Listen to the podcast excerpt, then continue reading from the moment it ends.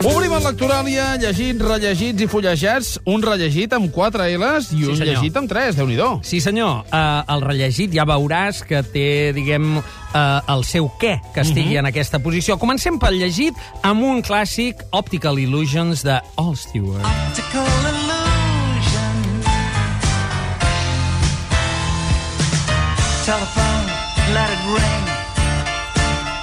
Això és per il·lustrar, eh, ja veuràs que no m'hi he matat gaire a l'hora de buscar una il·lustració, una novel·la que es diu Il·lusions òptiques, eh, Carles igual com Tafón, la eh? cançó. No Ruiz Safón. No, i, i el pobre eh, ho ha de, s'ho ha de sentir dir molt, això, perquè es diu Carles, es diu Zafón i no es diu Ruiz. Eh?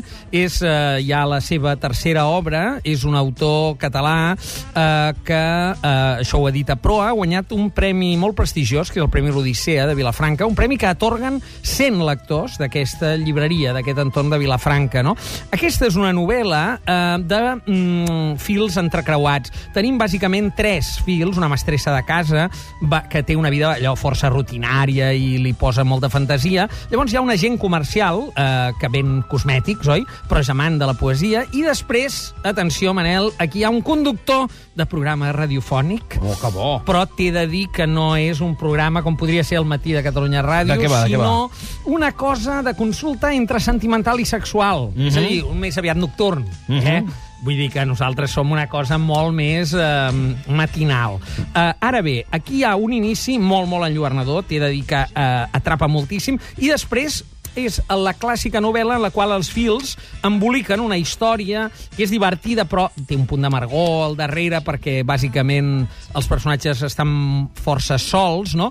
I tendeix a un final de bombolla de sabó que potser se li escapa una mica de les mans a l'autor. És a dir, un d'aquells finals tan, tan mm, esclatant que gairebé dius eh, potser no calia tant Ja. de eh, esclat. És una primera feina de, del Carles Tafón? És, eh, no és primer llibre, però sí que és, eh, és segona novel·la. És el seu tercer llibre. Hi ha reculls de narracions abans, Elementa, i una novel·la eh, dita Cecília. Jo crec que apunta maneres que es fa llegir d'una manera molt amable i és molt i molt entretinguda. Mm, mots clau? Els mots claus aquí tenim la ràdio, eh? en parlem des de la ràdio, però a més té un pes específic dins de la novel·la. Parlem també de la psicologia, però l'autoajuda. Eh? Estem en aquest territori. Sembla que hagi de fer una gran sàtira i al final no, eh? la defensa.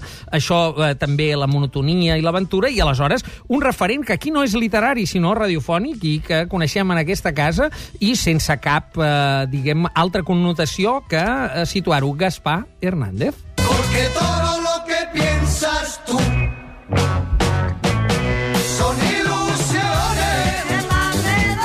Els Chichos ens il·lustren el llibre d'en Jordi Puntí, Els castellans, amb qui vam parlar l'altre dia. us vaig sentir que va complementar d'una manera molt adequada Molt bé, aquella eh? Molt bé tertúlia, perquè a més estem en una situació molt, en certa mesura, simètrica, no? Uh, Situem-ho, l'he posat als rellegits, tot i que és un llibre nou i un llibre, per mi, un dels llibres d'aquest Sant Jordi. Els castellans són una reelaboració dels articles que en Jordi Puntí publicava a la revista d'Història L'Avenç, a partir de la seva autobiografia. És a dir, en Jordi Puntí és fill de Manlleu, eh, de finals dels 60, i per tant era nen durant els 70. No? Aquí, en el llibre, això creix, aquells articles que jo recordava haver llegit, potser no tots, alguns d'ells, creixen fins a ser un llibre, diguem, de narracions. És important, i d'aquí la tria de los chichos, abans de la qüestió clarament cultural, eh, de Són il·lusiones. En Puntí, mm, diguem, ho mostra clarament. Diu, la infància és una ficció.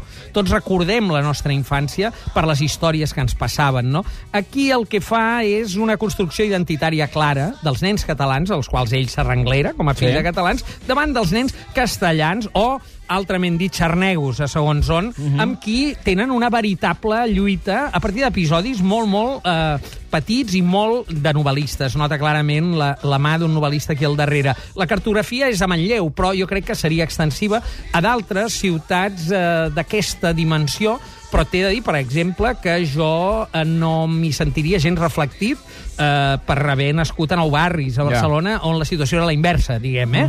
I probablement gent que mm, ho va viure des de poblacions més petites, potser tampoc en el sentit que no hi havia aquests dos bàndols. Sigui com sigui, és, un, és literatura, però alhora és un document que vaig trobar que estava molt ben posat en confrontació amb aquest debat que teníeu l'altre dia. actual. Perquè la nova immigració està donant unes situacions que seran molt diferents culturalment, però molt semblants en el sentit de la confrontació. Un gran llibre molt recomanable, Els castellans, editat per l'Avens. Mots clau? Aquí tenim memòria, bàsicament, però també recreació, ficció, immigració i una equació que deixo damunt la taula i és què és Jordi Puntí, Juan Mercè més Emili Teixidor. Parole, parole, parole. Ascoltami. Aquesta música acompanya el fullejat d'avui. Sí, senyor, acabem amb la mina eh, ubicant-nos Sugerencias sugestivas con las palabras, un llibre de Rafael Hidalgo que ha editat Octaedro. És un manual que exemplifica tot tipus de jocs de paraules sobre 13 en castellà, molt recomanable per a adolescents i estudiants en general.